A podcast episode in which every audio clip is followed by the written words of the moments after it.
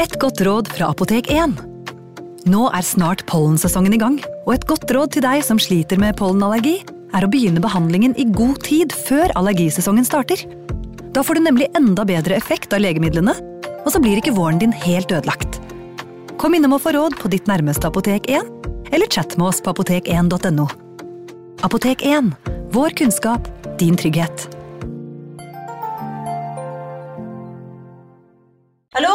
Jeg kommer fra Oslo politikammer.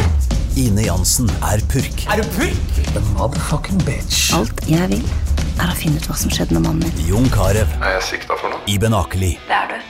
Ole So, Lars Berrum og Big Daddy Karsten. Hvem sin side er du på, egentlig? Anette Hoff, Tone Danielsen, Kommer du fra Afrika?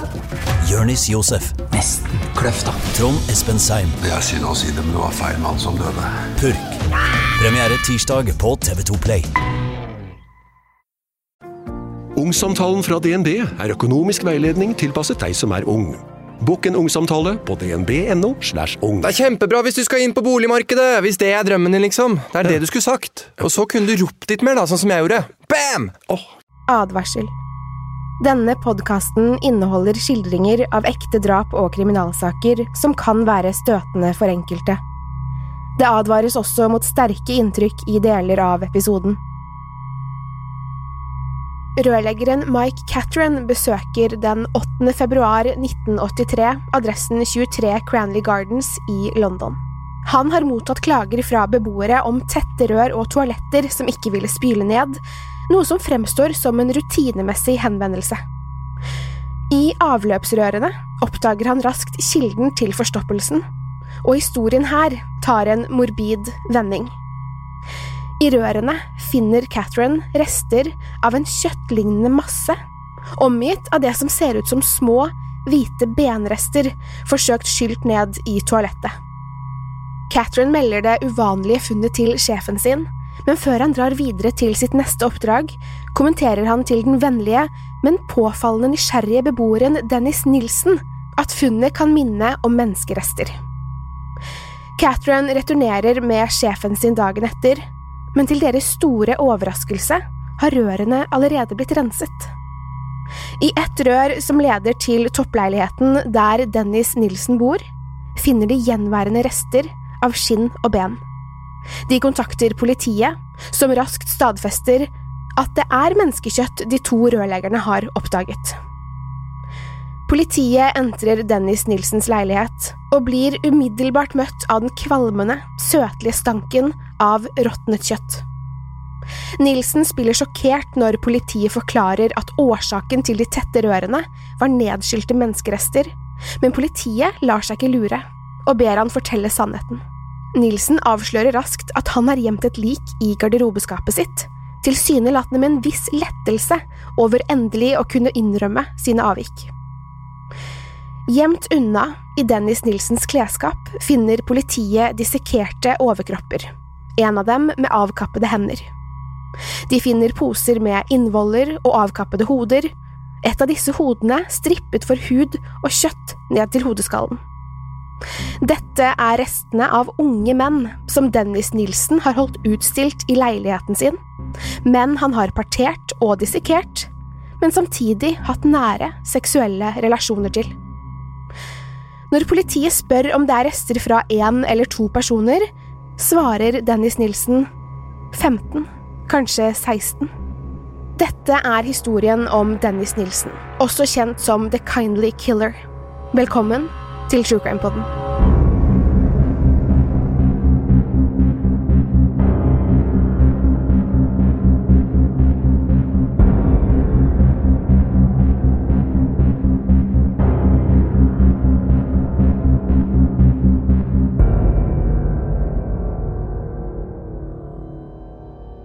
Dennis Nilsen ble født i Fraserburg i Skottland 23. november 1945. Moren til Dennis, Betty White, var en lokal skjønnhet som nøt mye oppmerksomhet fra Fraserburgs unge menn. Bettys far var streng, men hun hadde en opprørsk side og likte å dra ut på byen og danse. En kveld, på vei hjem fra en fest, forsøker en soldat å overtale henne til å la ham følge henne hjem. Betty takker nei, men soldaten gir seg ikke. Han blir fysisk og griper tak i henne. Han er stor og sterk, sterkere enn Betty, og hun blir livredd for hva han vil gjøre mot henne. Betty forbereder seg på det verste når en annen mann kommer til hennes unnsetning. Han slenger soldaten hardt inn i en murstensvegg og instruerer ham om å la Betty være i fred. Hennes redningsmann er Olav Magnus Nilsen. Olav var norsk motstandsmann som hadde flyktet til Skottland under andre verdenskrig. Olav hadde selv tiltrukket seg mye oppmerksomhet ved sin ankomst i den skotske byen, og jentene snakket om hans heltemodige kamp mot nazistene og hans dramatiske flukt fra Norge. De to forelsker seg umiddelbart og gifter seg kort tid senere, til stor forargelse fra Bettys far. Til tross for at dette høres ut som begynnelsen på en klassisk romanse, ville ikke Olav og Bettys ekteskap bringe langvarig lykke. Olav var ikke forberedt på ansvaret han ble presentert med som familiemann. Han slet med alkoholisme og var lite til stede for sønnen Dennis og hans to søsken, som leder til at Olav og Betty skiller seg da Dennis kun var tre år gammel. Det mislykkede ekteskapet gjorde Betty svært ulykkelig, og hun klagde ofte over at det hadde ødelagt livet hennes, gjerne til sine egne barn.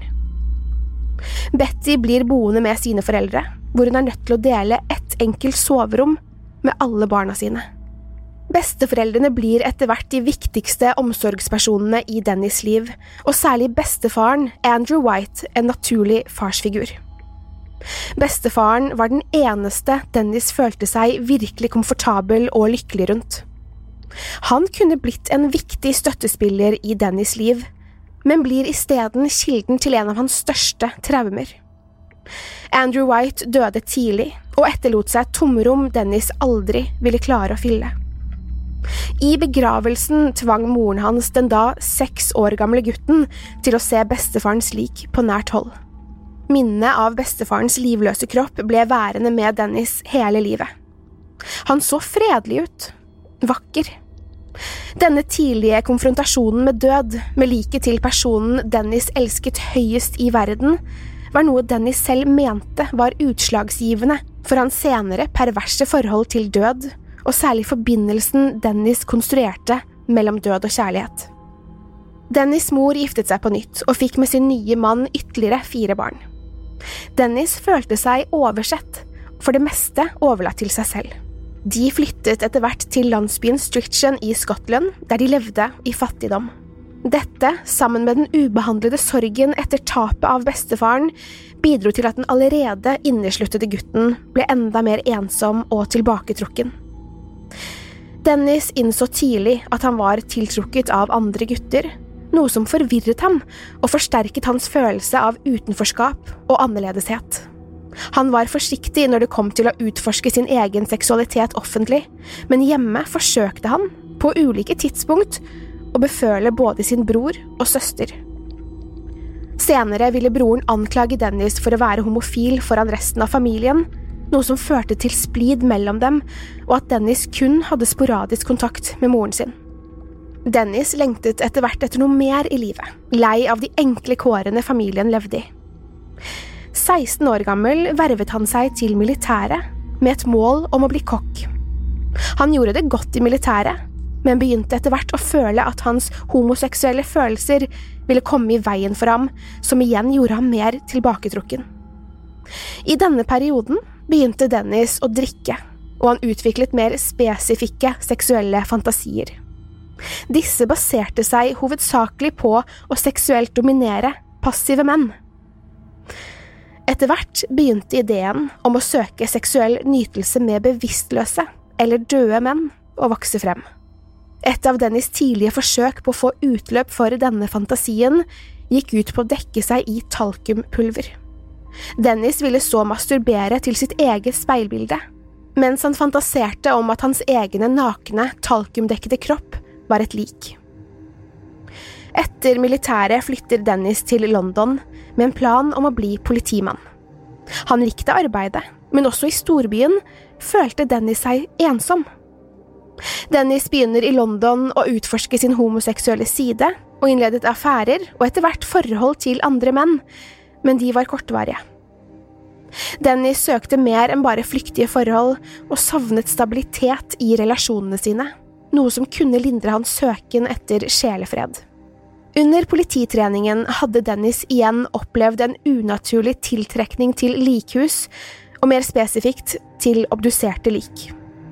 Han begynte å føle at hans homofile livsstil ikke var forenlig med hans valg av yrke, noe som ledet han til å si opp sin stilling i politiet og sender han inn i en eksistensiell krise. Ensomheten Dennis kjente så godt fra barndommen, begynner igjen å oppsluke han. Han faller inn i en dyp depresjon, og begynner igjen å ty til alkohol for å lindre smerten. Den 30. desember 1978 sitter Dennis i leiligheten sin. Han har drukket seg full, men denne gangen er ikke alkoholen nok til å døyve lidelsen. Dennis føler et behov for å komme seg ut, for å møte andre mennesker. På en pub treffer Dennis den 14 år gamle Steven Holmes. Steven er for ung til å kjøpe alkohol, og Dennis benytter anledningen til å invitere han med seg hjem. I Dennis' leilighet fortsetter de to å drikke utover natten, før de til slutt sovner i Dennis' seng. Når Dennis våkner morgenen etter, ligger Steven fremdeles i sengen. Dennis legger seg inntil ham, kjenner den deilige varmen fra kroppen hans. Han begynner å beføle ham, og blir mer opphisset av intimiteten i dette øyeblikket. Motivert av en lengsel etter nærhet og varige relasjoner, bestemmer Dennis seg for at han vil at Steven skal bli hos ham, og at de to skal feire nyttår sammen. Men Dennis er overbevist om at Steven uansett vil forlate han når han våkner, slik alle andre har gjort. På gulvet får Dennis øye på klærne sine fra kvelden før. Han griper slipset sitt, strammer det rundt Stevens hals og kveler den unge mannen mens han fremdeles sover. Når Steven har mistet bevisstheten, drukner Dennis han i en bøtte for å fullføre jobben. Dennis har tatt sitt første menneskeliv men det kommer ingen umiddelbar skyldfølelse. Han skjelver av utmattelse, tankene strømmer gjennom hodet hans, men det er ingen stemme som sier at dette er galt. Dennis begynner isteden å stelle den nå avdøde gutten. Han bader den livløse kroppen, for å så legge han tilbake i sengen de to hadde sovet i natten før. Dennis har ikke sex med den avdøde, men masturberer til synet av Stevens kropp. Han behandler liket kjærlig, og sover heller tett inntil han. Dennis ville senere beskrive det som vakkert, for vakkert til å ha sex med. Han beholder liket i leiligheten over en lengre periode, og da det omsider begynner å råtne, gjemte Dennis det under gulvplankene i leiligheten sin over en syv måneders periode, for å unngå at det ble oppdaget, før han til slutt brant liket i et bål i bakhagen sin. Denne opplevelsen tente åpenbart noe i Dennis, og hans forstyrrede forståelse av seksualitet sett i sammenheng med død var nå umulig for han å ignorere. Det går likevel nesten et år før Dennis Nilsen dreper sitt neste offer. 3. desember 1979 blir den canadiske studenten Kenneth og Kenden med hjem til Dennis' leilighet. De spiser et måltid, drikker alkohol og hører på musikk før Dennis kveler Kenneth til døde med en hodetelefonkabel. Dennis beskrev selv at han havnet i en slags transe under selve drapshandlingene, en transe han noen ganger klarte å bryte ut av, og dermed tillater potensielle drapsofre å gå fri, men som regel klarte han ikke å rive seg ut av denne transen, drevet av lyst og begjær. Dennis ville i ettertid ha trøbbel med å huske spesifikke detaljer knyttet til noen av ofrene sine, og hvordan drapene fant sted. Han husket for eksempel ikke øyeblikket han bestemte seg for å kvele Kenneth og Kenden, men husket å ha dratt han over gulvet, med kabelen surret rundt halsen hans. Noen ganger kunne han ikke engang huske å ha tatt livet av ofrene, men drapsmetoden var nesten utelukkende kveling eller drukning. Etter sitt andre offer dreper Dennis med en helt annen hyppighet. Dennis' begjær er nå tilsynelatende ute av kontroll. Fra mai til desember 1980 dreper Dennis seks menn, de fleste med lignende fremgangsmåte og den påfølgende stellerutinen. Dennis oppbevarte alle likene over lengre perioder i leiligheten sin, og viste en forvridd omsorg for de avdøde mennene. Han badet dem, slik han hadde gjort med sitt første offer, og barberer kroppene for å fjerne uønsket kroppshår, slik at de møtte hans preferanse. Han forsøkte, i sine egne ord, å gjøre dem enda vakrere enn det de var. Han påførte gjerne sminke og kledde dem ut i antrekk han selv fant tiltrekkende. De ga ham seksuell nytelse, han nøt nærheten han følte til dem, og masturberte til deres nakne kropper, men Dennis holdt fast ved at han ikke penetrerte noen av likene. Dennis ble pirret og begeistret av død, men dette handlet mer om begjæret han følte for de fredelige, passive likene, enn om nytelse oppnådd gjennom drapshandlingen. Dennis søkte en tettere relasjon med sine ofre. Han hadde gjerne imaginære samtaler med de utstilte likene, og forsøkte å opprettholde en relasjon til dem, gjerne gjennom dagligdagse handlinger som å se på TV, høre på musikk og spise middag. Dennis forsøkte å holde likene vakre ved å påføre ny sminke. Det var ikke før likene begynte å vise tydelige tegn på forråtnelse og sminke ikke lenger var nok, at Dennis så seg nødt til å kvitte seg med dem, som igjen skapte behovet for nye, friske lik som kunne holde han med selskap. Før han kvittet seg med likene, likte han å masturbere ved dem en siste gang. Dette som en slags siste avskjed. Til tross for å selv ha utviklet denne nesten ritualistiske metoden for å kvitte seg med likrestene, fant ikke Dennis noen nytelse i å partere og dissekere likene. Dennis fryktet at han kunne bli avslørt dersom lukten fra likene ble for sterk, særlig på sommeren, når leiligheten ble varm. Han fikk det for seg at dersom han fjernet innvollene, ville dette redusere noe av stanken, og så det selv som en praktisk nødvendighet å dissekere dem.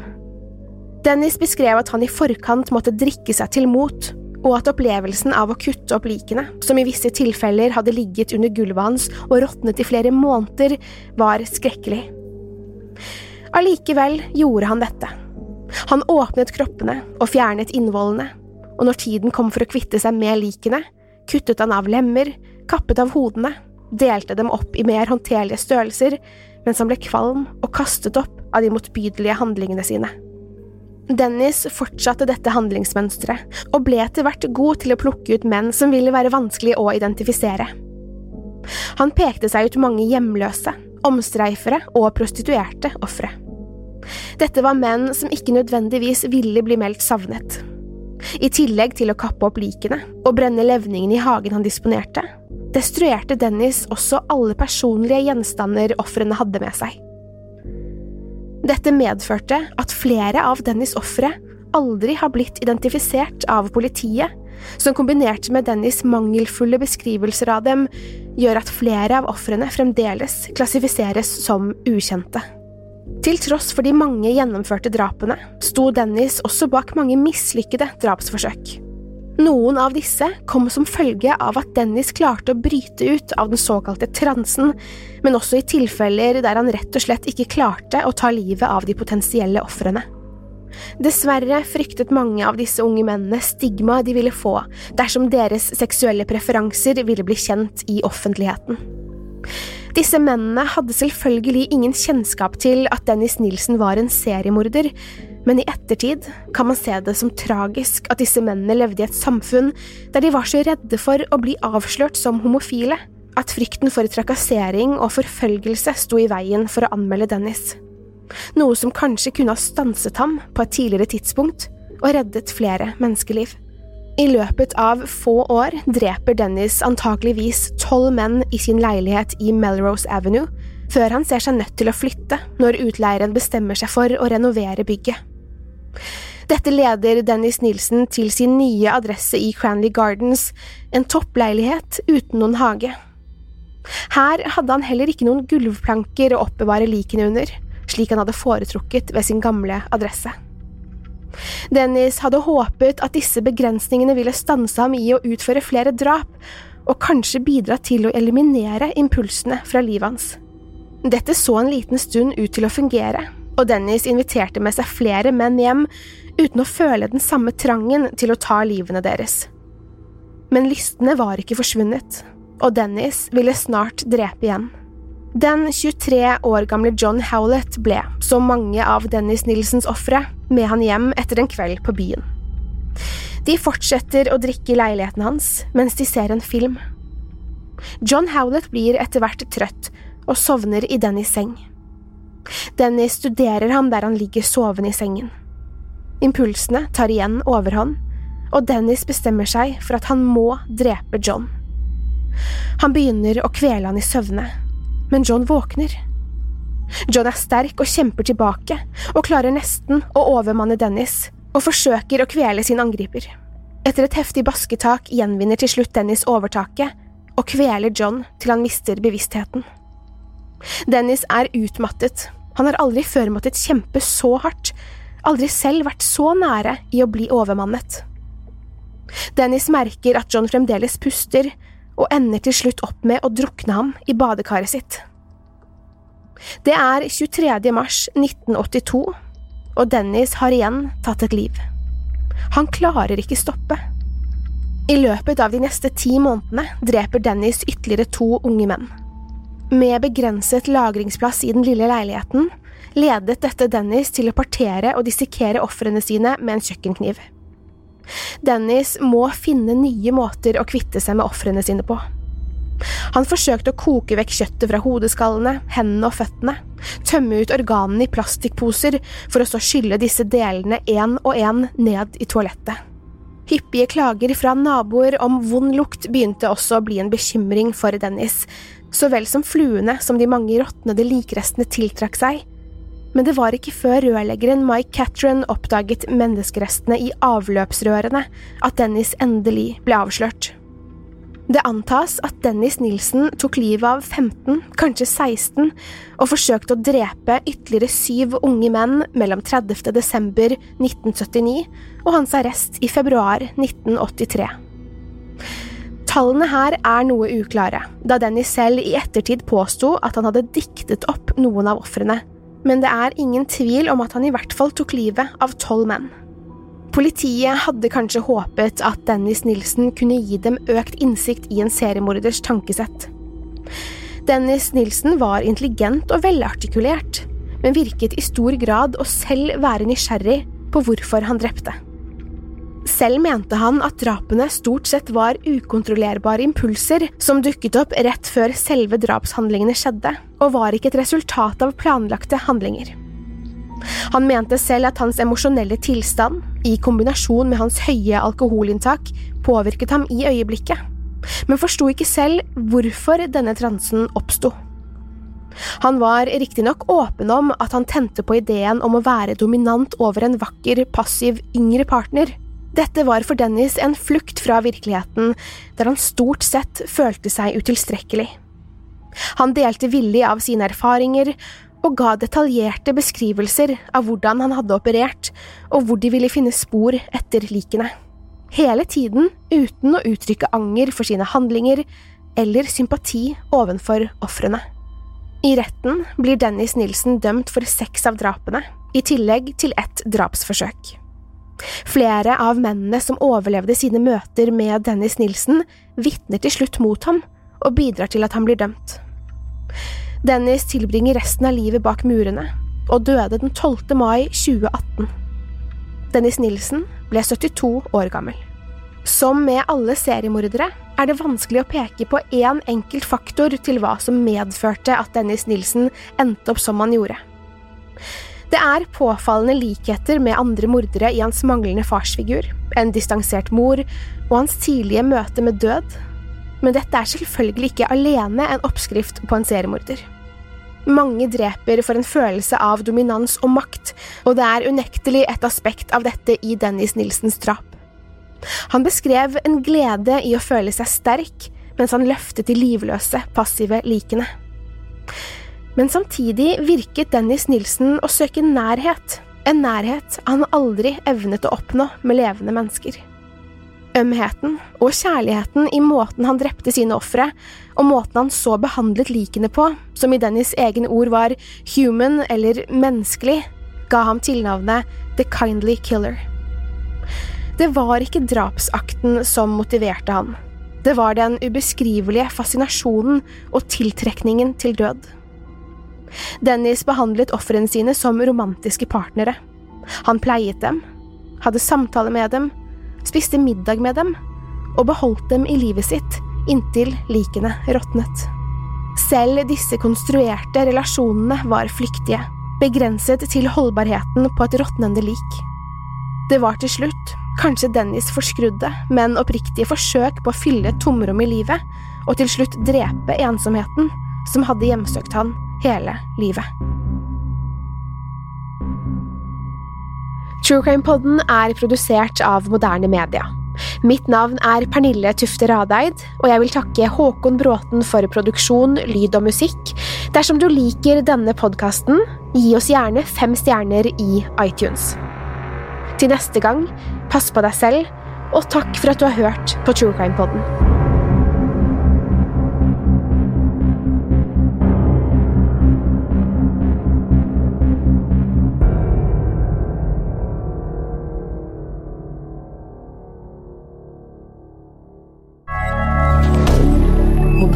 media. Har du et enkeltpersonforetak eller en liten bedrift? Da er du sikkert lei av å høre meg snakke om hvor enkelt det er med kvitteringer og bilag i fiken, så vi eh, gir oss her, vi. Fordi vi liker enkelt. Fiken superenkelt regnskap. Hei! Takk for at du lytter til True Crime Podden. Skulle du ønske at du kunne høre en ny episode av denne podkasten hver eneste uke? Vel, da er det bare å laste ned podkastappen Untold med en gang. I tillegg til ukentlige episoder av podkaster som Skrekkpodden, Synderne og Henrettelsespodden, får du masse annet reklamefritt og eksklusivt innhold. Last ned Untold i AppStore eller Google Play, og start din 30 dagers prøveperiode i dag.